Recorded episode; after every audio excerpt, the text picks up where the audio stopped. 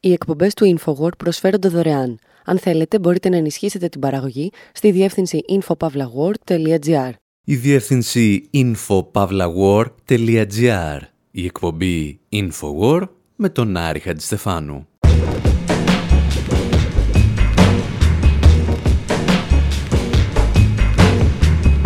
Όπου σήμερα αναρωτιόμαστε εάν το Spotify καταστρέφει τη μουσική και το κάνουμε μέσω μιας εκπομπής που αρκετοί από εσάς μπορεί και να ακούσετε στο Spotify.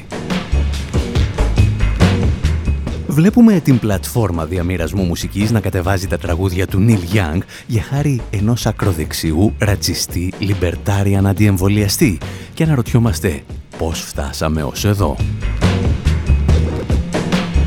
Και ύστερα σκεφτόμαστε εάν οι πλατφόρμες τύπου Spotify αποτελούν ένα βήμα προς το σοσιαλισμό ή ένα βήμα προς τον κρεμό. Αναρωτιόμαστε επίσης γιατί τα περισσότερα τραγούδια που ακούμε τον τελευταίο αιώνα έχουν διάρκεια 2-3 λεπτών και ζητάμε γι' αυτό μια μικρή βοήθεια από την Taylor Swift και τον Chuck Berry. Και ύστερα αλλάζουμε ολοκληρωτικά θέμα Θυμόμαστε τι μπορεί να πάθεις αν αποφασίσεις να ιδιωτικοποιήσεις το οδικό δίκτυο της χώρας σου αδιαφορώντας για τις συμβουλές του πατερούλη του νεοφιλελευθερισμού, Μίλτον Φρίντμαν.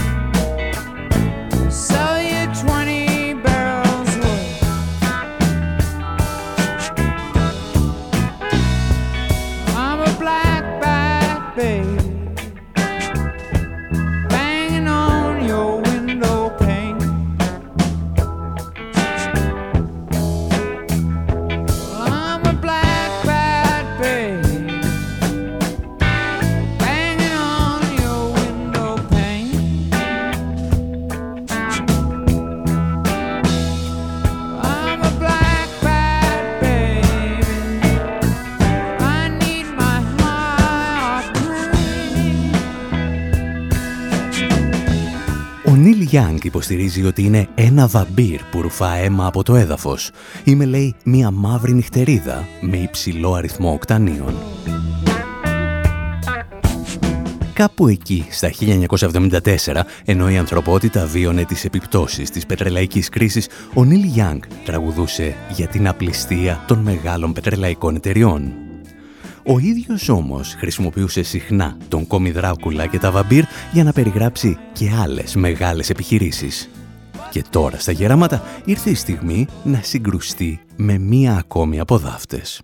Fans of Neil Young might soon have one less place to listen to his music. The rocker wants Spotify to remove his music from its streaming. Οι φαν του Neil Young μπορεί σύντομα να έχουν έναν τρόπο λιγότερο για να ακούσουν τη μουσική του. Ο γνωστός ρόκερ επιθυμεί να αφαιρεθεί η μουσική του από το Spotify γιατί η γνωστή πλατφόρμα επιτρέπει τη διασπορά παραπληροφόρησης για την COVID-19 μέσα από το δημοφιλές podcast του Joe Rogan. Σε δήλωσή του, ο Young είπε: Το κάνω γιατί το Spotify διασπείρει ψεύτικες πληροφορίες για τα εμβόλια, γεγονός που μπορεί να οδηγήσει στο θάνατο θάνατο όσους πιστεύουν αυτή την παραπληροφόρηση. Ο Νίλ Young έδωσε τελεσίγραφο στα στελέχη του Spotify λέγοντας ότι μπορούν να έχουν τον John Rogan ή τον Neil Young, αλλά όχι και τους δύο.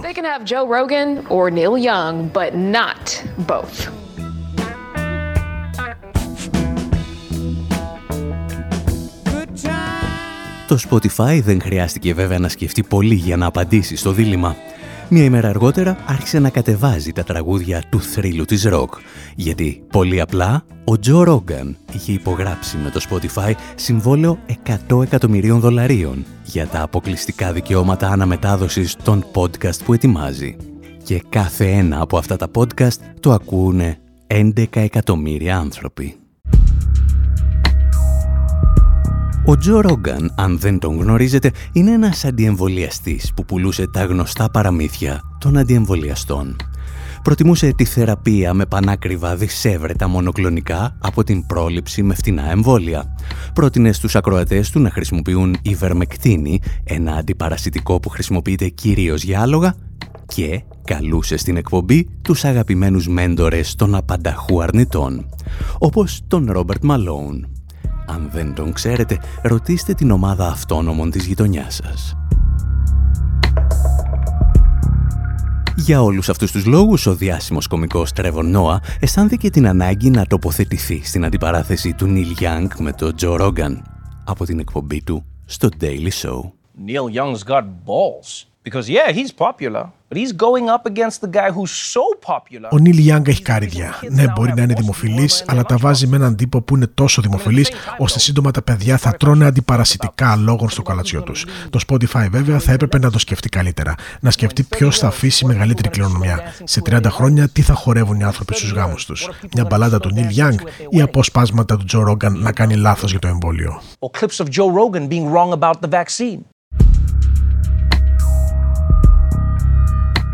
Ο Τζο Ρόγκαν βέβαια δεν είναι απλός αντιεμβολιαστής.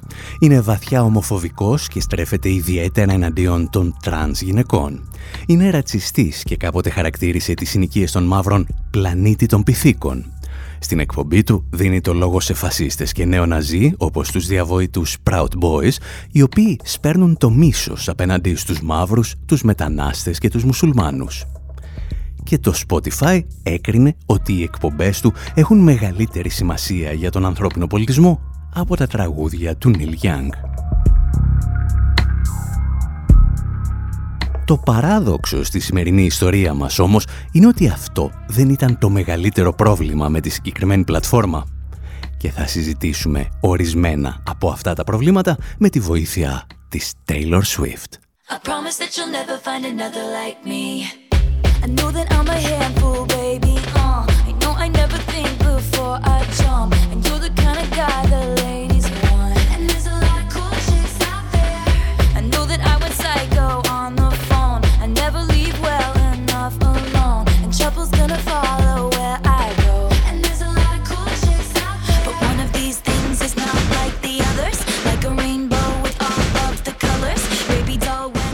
Η Taylor Swift τραγουδά το single της με τίτλο «Me» από το 2019. Και εμείς έχουμε πολύ συγκεκριμένο λόγο για τον οποίο σας βασανίζουμε με τη μουσική της προθιέρειας της σύγχρονης pop. Πολύ περισσότερο, έχουμε σημαντικούς λόγους για τους οποίους σας αφήσαμε να ακούσετε μόνο τα πρώτα 30 δευτερόλεπτα του τραγουδιού. Γιατί το συγκεκριμένο τραγούδι, λένε ορισμένοι, είναι στην ουσία ένα δημιούργημα του Spotify και άλλων αντίστοιχων πλατφορμών σαν αυτό. Για να καταλάβουμε τι ακριβώς εννοούν, θα πρέπει να ακολουθήσουμε τη σκέψη ενός Καναδού μουσικού παραγωγού και μουσικοκριτικού, του Alan Cross. There is a company behind Spotify called the Econest. And the Econest is forever Υπάρχει μια εταιρεία πίσω από το Spotify που ονομάζεται Econest και αναλύει όλα τα δεδομένα των χρηστών. Ξέρουν ακριβώς πώς ακούμε μουσική, πόσο συχνά ακούμε μουσική και πώς προσπερνάμε συγκεκριμένα κομμάτια. Αυτό το τελευταίο είναι πραγματικά σημαντικό. Θα σας δώσω μερικούς αριθμούς. Στο Spotify, αν ξεκινήσει ένα τραγούδι, υπάρχει 24% πιθανότητα ότι θα το προσπεράσετε στα πρώτα 5 δευτερόλεπτα. Υπάρχει 29% πιθανότητα ότι θα το προσπεράσετε στα πρώτα 10 δευτερόλεπτα. Και υπάρχει 35% πιθανότητα ότι θα το προσπεράσετε πρωτού ολοκληρωθούν τα 30 πρώτα δευτερόλεπτα. Εδώ είναι που γίνεται σημαντικό, διότι κανένας καλλιτέχνης δεν πληρώνεται αν το τραγούδι του δεν παίξει για τουλάχιστον 30 δευτερόλεπτα.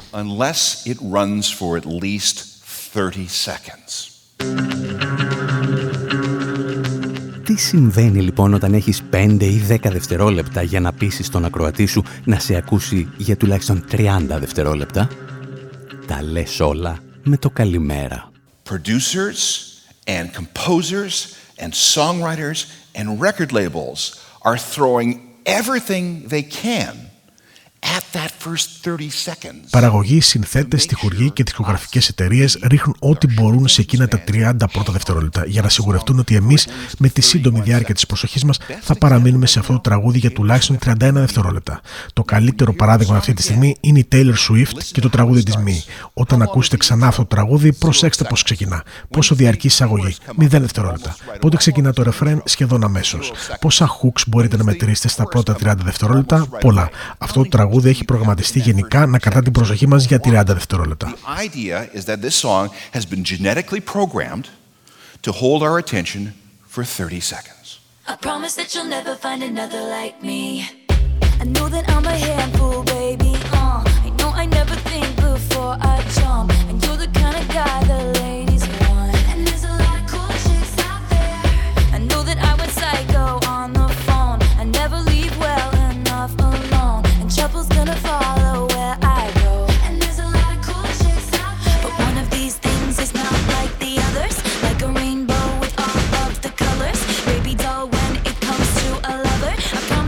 never find another like me. Ooh, ooh, ooh.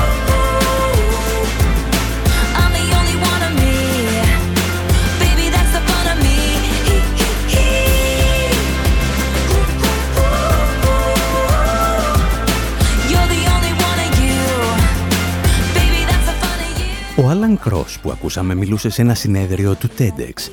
Ένα από εκείνα τα φόρα όπου έχουν μια καλή ιδέα, αλλά συνήθως δεν διαθέτουν την οικονομική και πολιτική σκέψη για να την αναπτύξουν επαρκώς.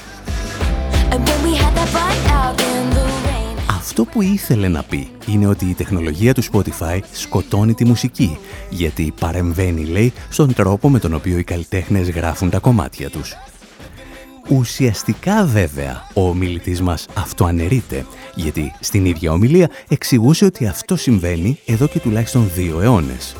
Συγκεκριμένα από την εποχή που ο Τόμας Έντισον κατάφερε να ηχογραφήσει το πρώτο μουσικό κομμάτι. Up until Thomas Edison came along with his wax cylinder, music was effervescent. It was there and then it wasn't. There was no way to store music. Μέχρι να έρθει ο Τόμα Έντισον με το κέρινο κυλινδρό του, η μουσική ήταν εφήμερη.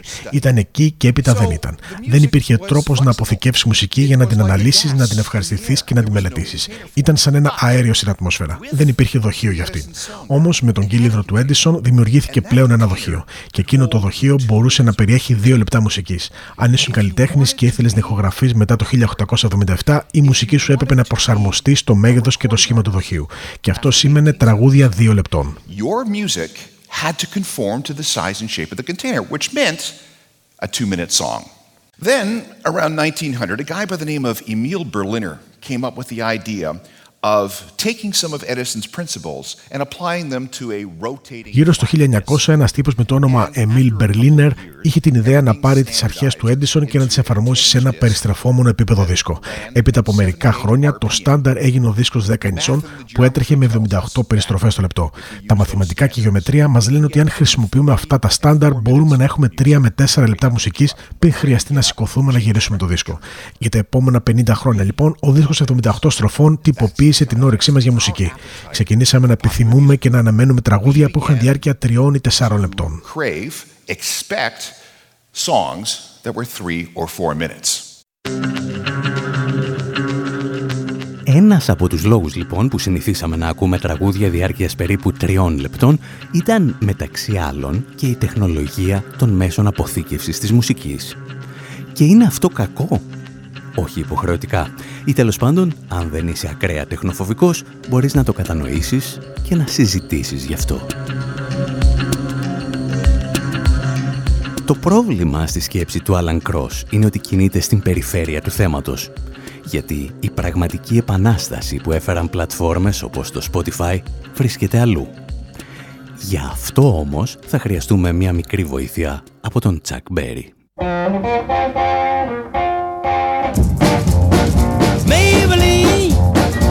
can't you be true? Oh, Maybelline, why can't you be true? You done started doing the things you used to do. As I was motivating over the hill, I saw Maybelline in a coupe de ville. A Cadillac rolling on an open road, nothing out run my V8 Pro. A Cadillac doing about 95, moves bumper to bumper, rolling side to side. Maybelline, why can't you be true? Oh, Maybelline, why can't you be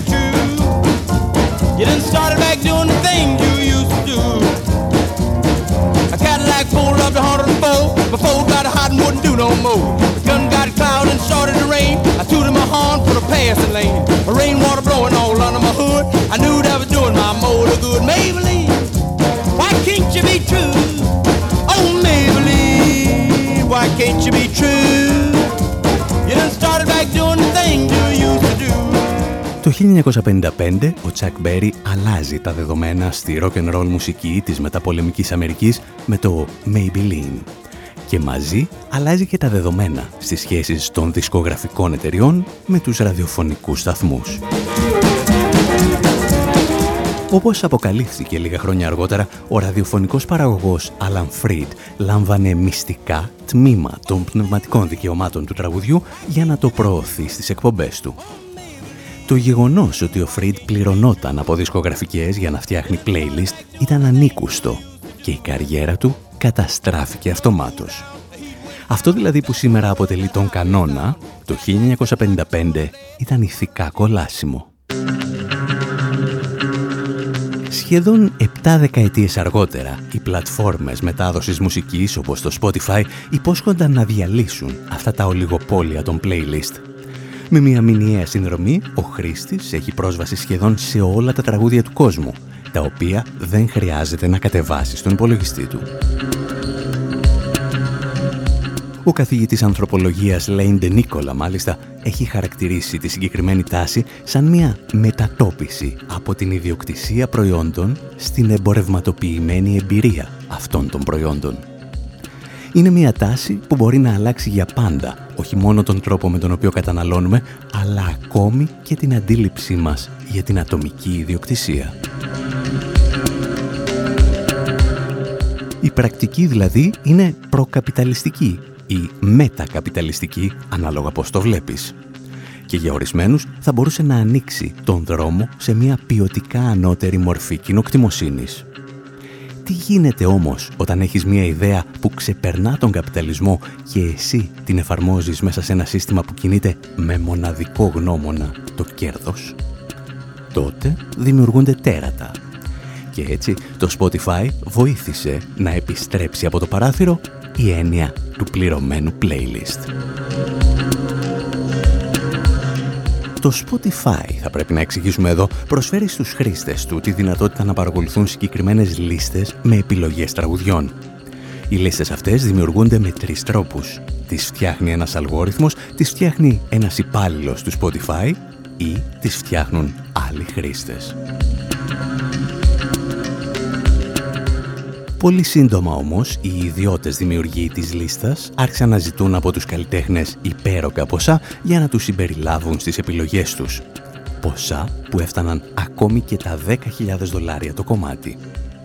Οι μικροί καλλιτέχνες λοιπόν που δεν μπορούσαν να ακολουθήσουν το ξέφρενο παιχνίδι έμεναν και πάλι εκτός συναγωνισμού. Αντίθετα, το σύστημα οθούσε τα λόμπι των δισκογραφικών να προσεγγίζουν τους δημιουργούς των playlist, είτε ήταν απλοί χρήστες, είτε υπάλληλοι του Spotify. Από τη στιγμή όμως που οι εταιρείες θα διεισδύσουν στις λίστες στέλνοντας τα τραγούδια τους σε εκατομμύρια ακροατές, αυτό θα επηρεάσει και τους υποτίθεται αδέκαστους αλγόριθμους του Spotify, οι οποίοι αλγόριθμοι αναπαράγουν τα κομμάτια που ακούει περισσότερο ο κόσμος. Αυτά δηλαδή που έχουν σπρώξει οι δισκογραφικές. Τι σημαίνει αυτό; Ετοιμαστείτε να σας πετάξουμε μερικούς αριθμούς. Σήμερα κάθε καλλιτέχνης λαμβάνει το πολύ 0,004 cents του δολαρίου για κάθε αναπαραγωγή του τραγουδιού του στο Spotify. Αυτό σημαίνει ότι κάθε κομμάτι του πρέπει να ακουστεί 250 φορές για να του προσφέρει ένα δολάριο. Αν δεν μπορείς λοιπόν να πληρώσεις για να μπεις σε μια γνωστή λίστα, απλώς δεν υπάρχεις. Η εταιρεία λοιπόν που υποσχόταν να απομακρύνει τις παρεμβάσεις των μεγάλων δισκογραφικών και να ακυρώσει έναν μηχανισμό που κυριαρχούσε σχεδόν από την ανακάλυψη του ραδιοφωνού, απλώς αναπαράγει τις ανισότητες. Τώρα μάλιστα έχει και την πολιτική επιλογή να επιλέγει έναν αντιεμβολιαστή podcaster απέναντι στον Neil Young.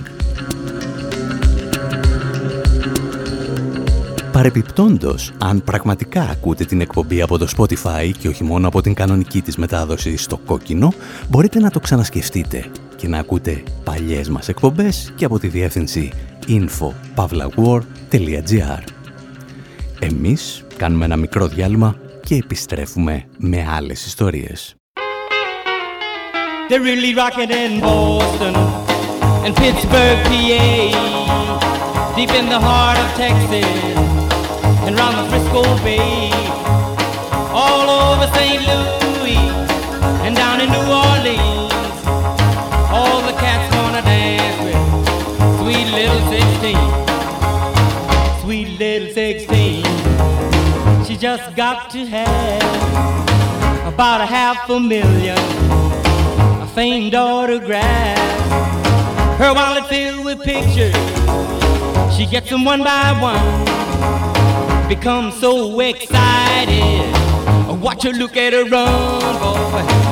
Oh, mommy, mommy, please may I go? It's such a sight to see. Somebody steal the show. Oh, daddy, daddy, I beg of you whisper to mommy it's all right with you. Cause they'll be rocking on bandstand in Philadelphia, PA, deep in the heart of Texas, around the Frisco Bay, all over St. Louis, way down in New Orleans. All the cats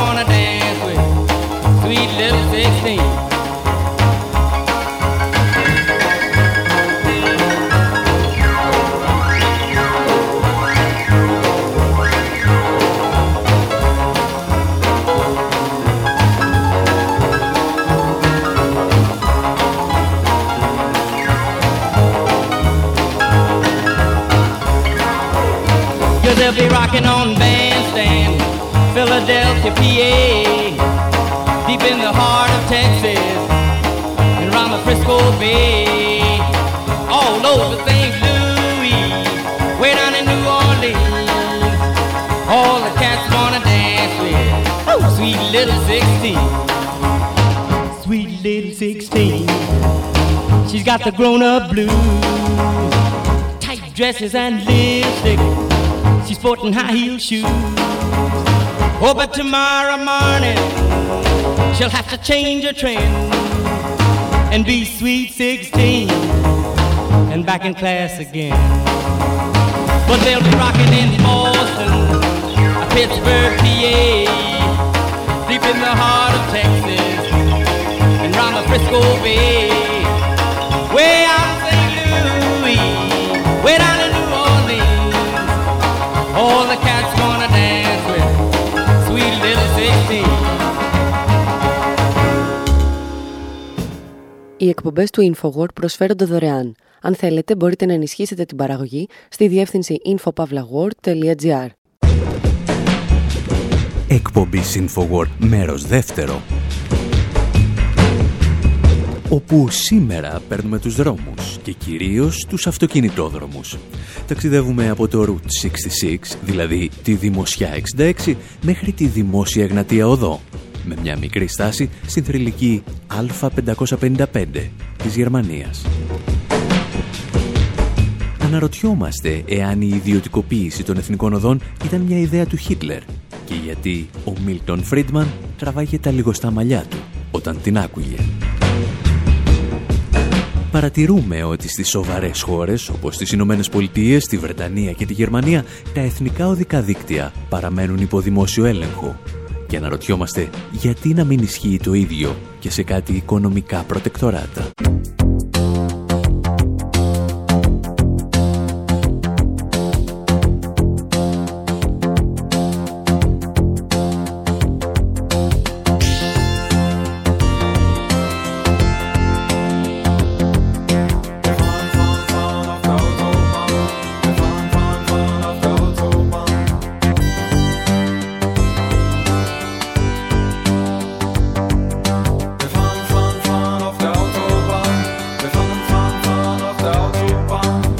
Περίφημοι Γερμανοί Kraftwerk τραγουδούν για τους γερμανικούς αυτοκινητόδρομους στο τραγούδι τους Autobahn από το ομότιτλο άλμπουμ του 1974.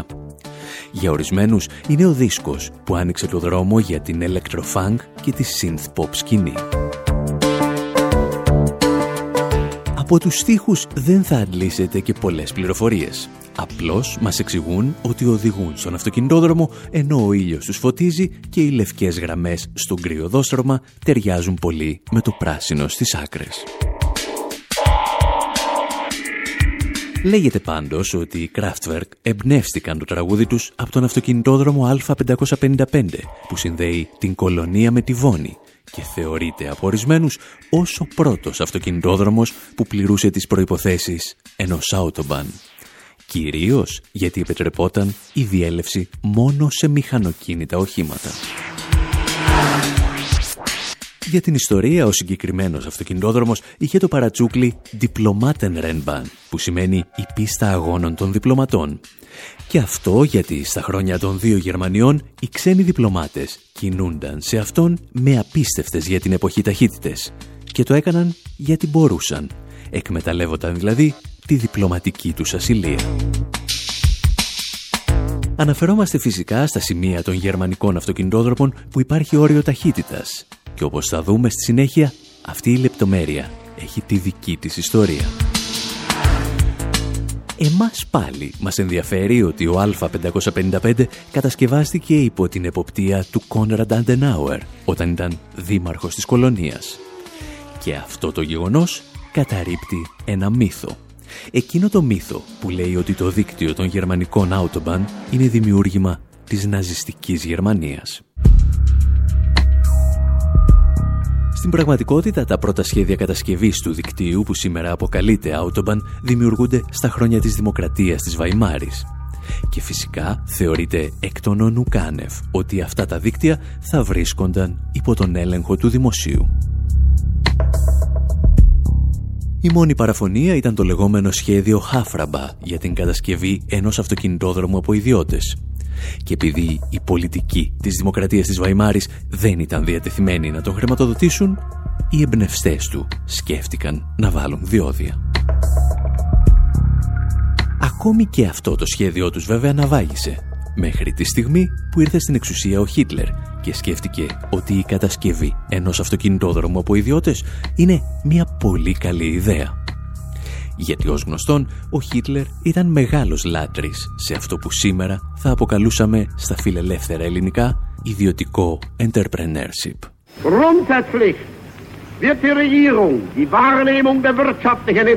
Η κυβέρνησή μας θα προστατεύσει τα συμφέροντα του λαού όχι με την κρατική γραφειοκρατία, αλλά με την υποστήριξη της ιδιωτικής πρωτοβουλίας.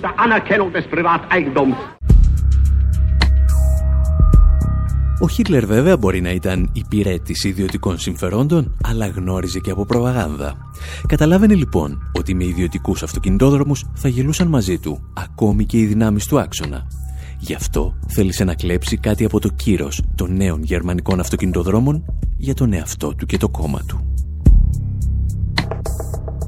Ούτως ή άλλως τα σχέδια κατασκευής αυτοκινητόδρομων από ιδιώτες ναυαγούσαν το ένα μετά το άλλο και έτσι οι γερμανικοί αυτοκινητόδρομοι παρέμειναν υπό τον έλεγχο του δημοσίου.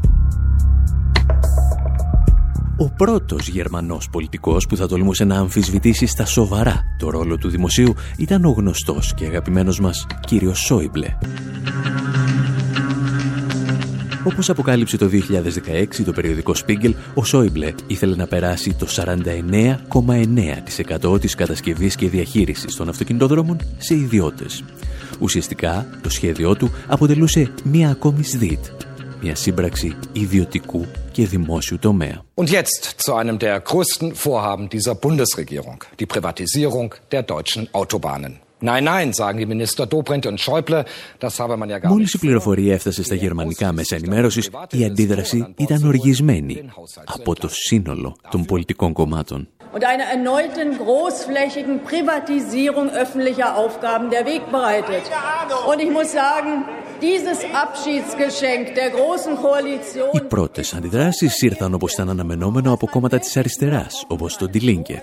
Σύντομα όμως πέρασαν και στο εσωτερικό του μεγάλου συνασπισμού και έφτασαν στην καρδιά του κόμματος του Σόιμπλε.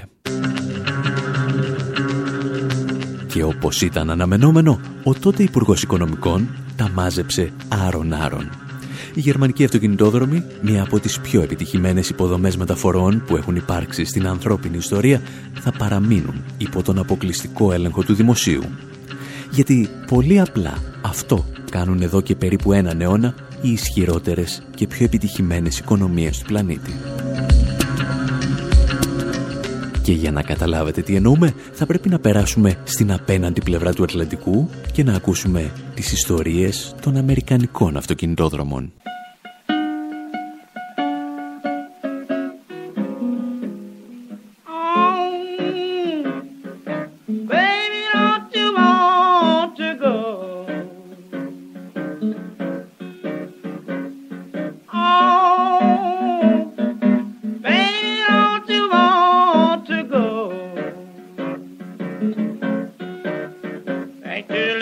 California to my sweet home, Chicago.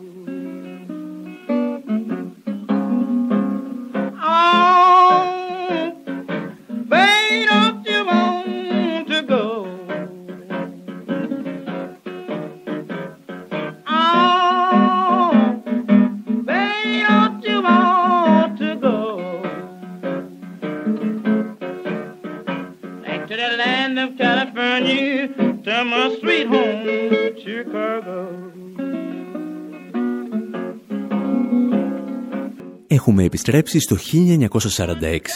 Το Σικάγο ακούει ακόμη τα blues. Ακούει τραγούδια όπως το Sweet Home Chicago. Εδώ, στην αυθεντική εκτέλεση του Ρόμπερτ Τζόνσον.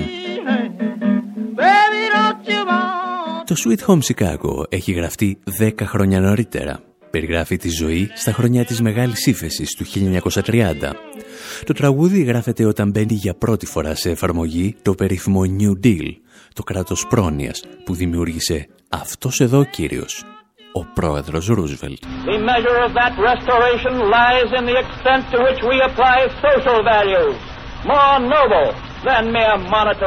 Στο Σικάγο του 1946 όμως αρχίζουν να πνέουν διαφορετικοί άνεμοι. Στην πόλη φτάνει ένας νεαρός οικονομολόγος που ακούει στο όνομα Μίλτον Φρίντμαν. Θα διδάξει στο Πανεπιστήμιο του Σικάγου το πανεπιστήμιο που ίδρυσε έναν αιώνα νωρίτερα ο Τζον Ροκφέλερ, για ορισμένους ο πλουσιότερος άνθρωπος που πέρασε ποτέ από τον πλανήτη Γη. Και τι έκανε ο Φρίντμαν στη σχολή του Σικάγου, τα εξηγούσε ο ίδιος μερικά χρόνια αργότερα. Στη σχολή του Σικάγο πιστεύαμε στην ελάχιστη παρουσία του κράτους και δίναμε έμφαση στην ελεύθερη αγορά ως μέσο ελέγχου της οικονομίας. Ο Φρίτμαν δεν είναι ένας τυχαίος οικονομολόγος. Σήμερα, ακόμη και οι αντίπαλοι του αναγνωρίζουν στο πρόσωπό του μια οικονομική ιδιοφυΐα, όπως η διάσημη συγγραφέας και κτιβίστρια Naomi Klein. He unleashed the school on Latin America. Ο Φρίντμαν ανέθεσε στη Σχολή Λατινικής Αμερικής να μετατρέψει τη χειλή του Πινοσέτ σε ένα πειραματικό εργαστήριο των ριζοσπαστικών ιδεών του. Ιδέες οι οποίες δεν ήταν συμβατές με τη δημοκρατία στις Ηνωμένες Πολιτείες, αλλά θα μπορούσαν να πάρουν σάρκα και οστά σε μια δικτατορία της Λατινικής Αμερικής.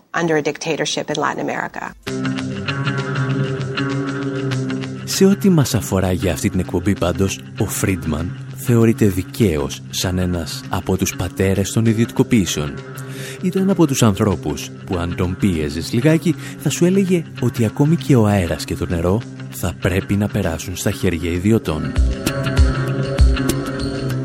Όσο και αν τον πίεζες όμως, υπήρχε ένα δημόσιο αγαθό που πίστευε ότι θα πρέπει να μείνει για πάντα δημόσιο αγαθό.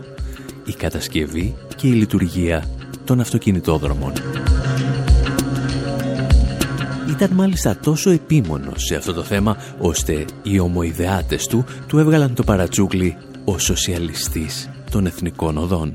And now, ladies and gentlemen, the Milton Friedman Choir.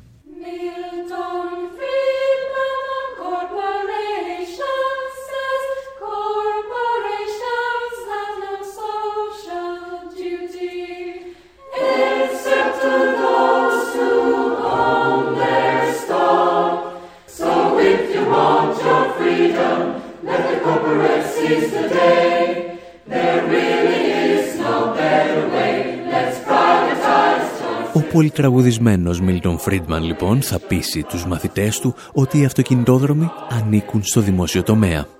Ακόμη και ο Ρόναλ Ρίγκαν και η Μάργαρετ Θάτσερ που ξεπουλούσαν ό,τι έβλεπε το μάτι τους δεν θα τολμήσουν να πειράξουν τα εθνικά οδικά δίκτυα.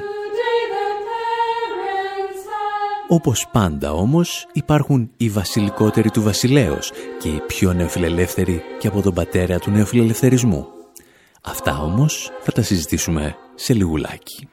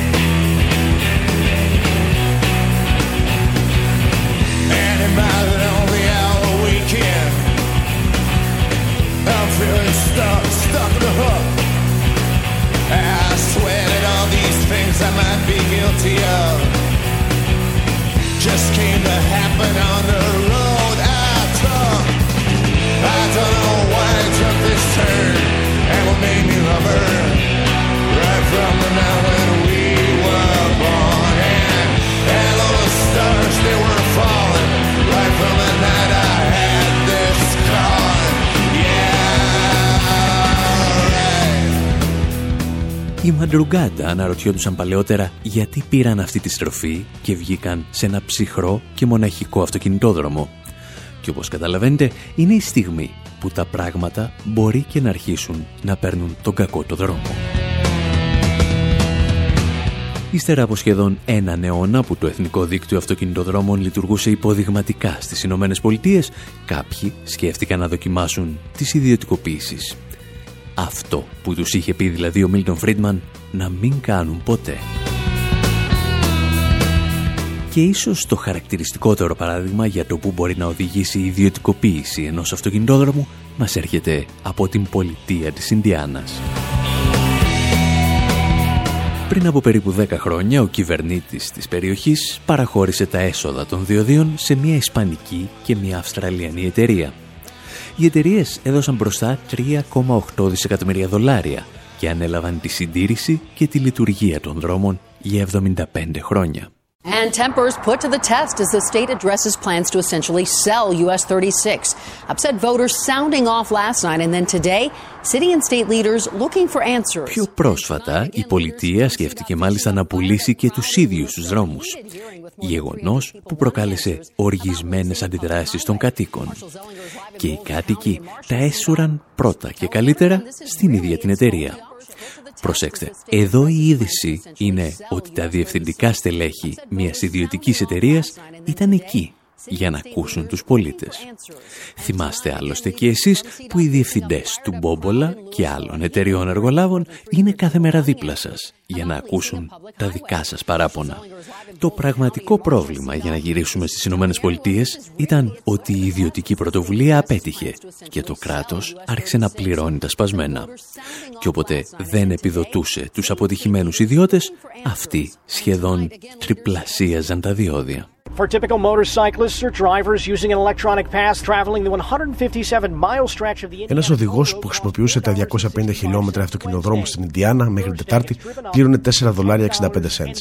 Από αυτή την Πέμπτη πληρώνει 10 δολάρια και 52 cents. Και αυτό γιατί η κυβέρνηση σταμάτησε να επιδοτεί την ιδιωτική εταιρεία που ελέγχει τα διόδια. Οι πολιτικοί έδωσαν τα διόδια σε ιδιώτες πριν από 10 χρόνια, αλλά σήμερα τα πληρώνουν οι οδηγοί.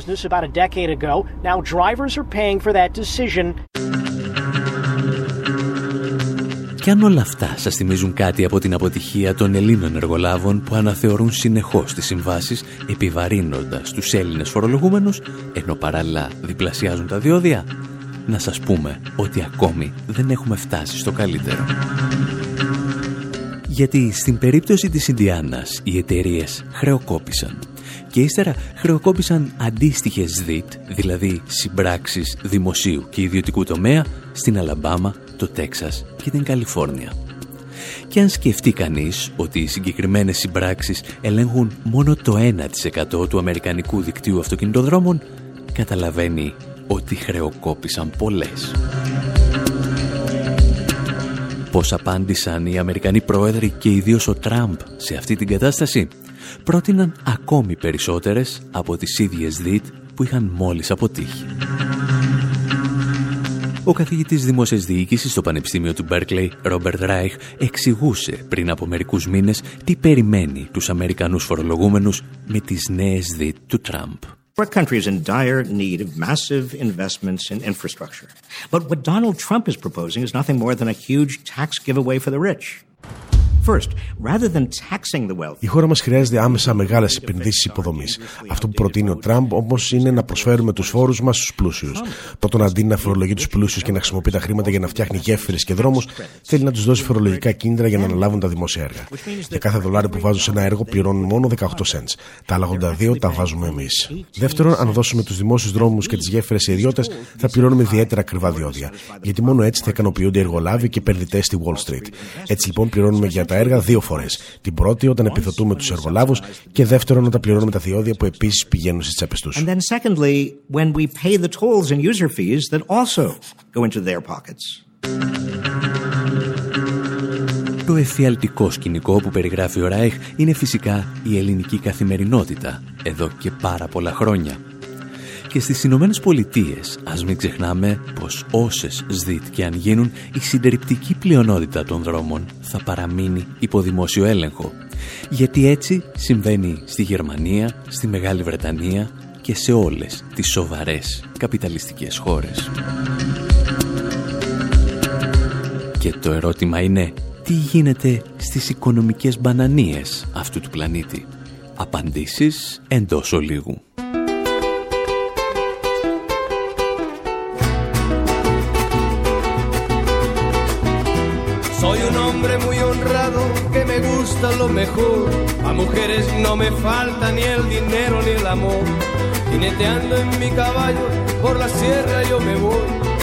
Estrellas y la luna ellas me dicen dónde voy. Ay, ay, ay, ay, ay, ay, mi amor. Ay, mi morena de mi corazón.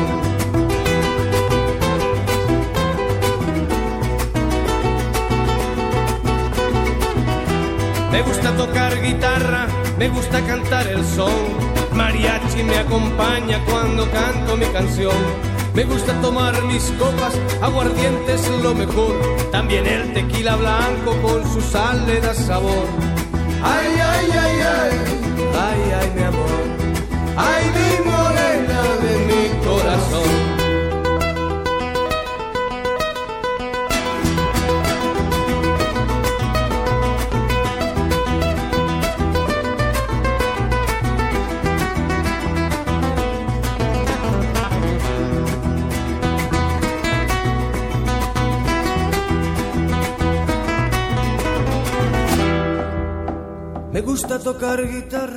Στην εκπομπή Infowar με τον Άρη Χατζηστεφάνου διηγούμαστε αποτυχημένες ιστορίες ιδιωτικοποιήσεων εθνικών οδών. Βρισκόμαστε στην Αμερική και ίσως να γνωρίζετε ότι οι περισσότερες από τις χώρες της Νότιας Αμερικής έχουν να διηγηθούν καταστροφικές ιστορίες από τις ιδιωτικοποιήσεις τους. Όσες ακολούθησαν τις εντολές του Διεθνούς Νομισματικού Ταμείου γνώρισαν ιδιωτικές εταιρείες που λειτουργούσαν σαν τους ληστές του μεσαίωνα στα διόδια. Καμία ιδιωτικοποίηση όμως δεν απέτυχε με τόσο πάταγο όσο αυτή του Μεξικού. Από το 1997, διαδοχικές κυβερνήσεις άρχισαν να ιδιωτικοποιούν το εθνικό οδικό δίκτυο όπως ακριβώς προέβλεπε η λεγόμενη συνένεση της Ουάσιγκτον. Αυτό δηλαδή που επέβαλε η Ουάσιγκτον στον τρίτο κόσμο, χωρίς φυσικά να το δοκιμάζει στις Ηνωμένες Πολιτείες. Σε ελάχιστο χρονικό διάστημα η χώρα έφτασε να έχει τα υψηλότερα διόδια σε όλο τον κόσμο. Για να διασχίσεις περίπου 20 χιλιόμετρα από την πόλη του Μεξικού έπρεπε να δώσεις 6 δολάρια, που ήταν το διπλάσιο από το μέσο ημερομίσθιο. Σε ορισμένες περιπτώσεις οι εργολάβοι έχτιζαν δρόμους στη μέση του πουθενά για να παίρνουν επιδοτήσεις ή σε άλλες περιπτώσεις έχτιζαν δρόμους εκεί όπου είχαν οικόπεδα στελέχη της κυβέρνησης ώστε να αυξηθεί η αξία της γης. Και όταν λέμε στελέχη της κυβέρνησης, εννοούμε ακόμη και την οικογένεια του τότε Προέδρου Ραούλ Σαλίνας. Και τι έκανε η κυβέρνηση όταν οι ιδιώτες εργολάβοι απέτυχαν και οι εταιρείες τους άρχισαν να παρουσιάζουν ζημιές; Πλήρωσε 7,5 δισεκατομμύρια δολάρια για να τις διασώσει. Ανέλαβε δηλαδή τα χρέη τους και εθνικοποίησε δεκάδες τμήματα του εθνικού δικτύου. Οι Μεξικανοί φορολογούμενοι δηλαδή πλήρωσαν αρχικά για να επιδοτήσουν τους ιδιώτες, στη συνέχεια πλήρωναν τα ακριβότερα διόδια στον κόσμο και ύστερα πλήρωσαν τους εργολάβους για να μην χρεοκοπήσουν. Και εσείς που τώρα σκέφτεστε «Ναι, αλλά στη δική μου χώρα δεν ξέρω κάποιο εργολάβο που να αντιμετωπίζει ανάλογα προβλήματα», μάλλον ζείτε σε άλλη χώρα από εμάς.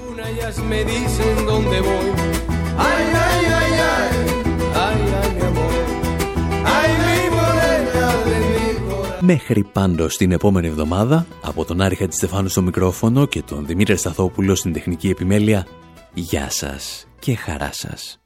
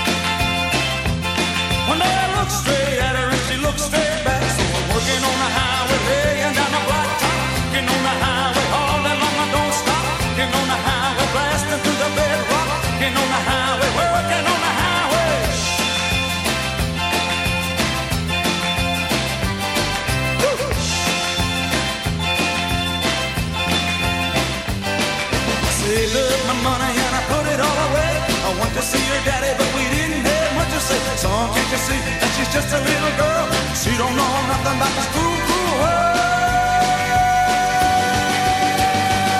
We did it out down the Florida, we got along alright. One day our brothers came and got her, and they took me in a black and white. The prosecutor kept the promise that he made on that day. And the judge got mad and he put me straight away. every morning to the work bell climb.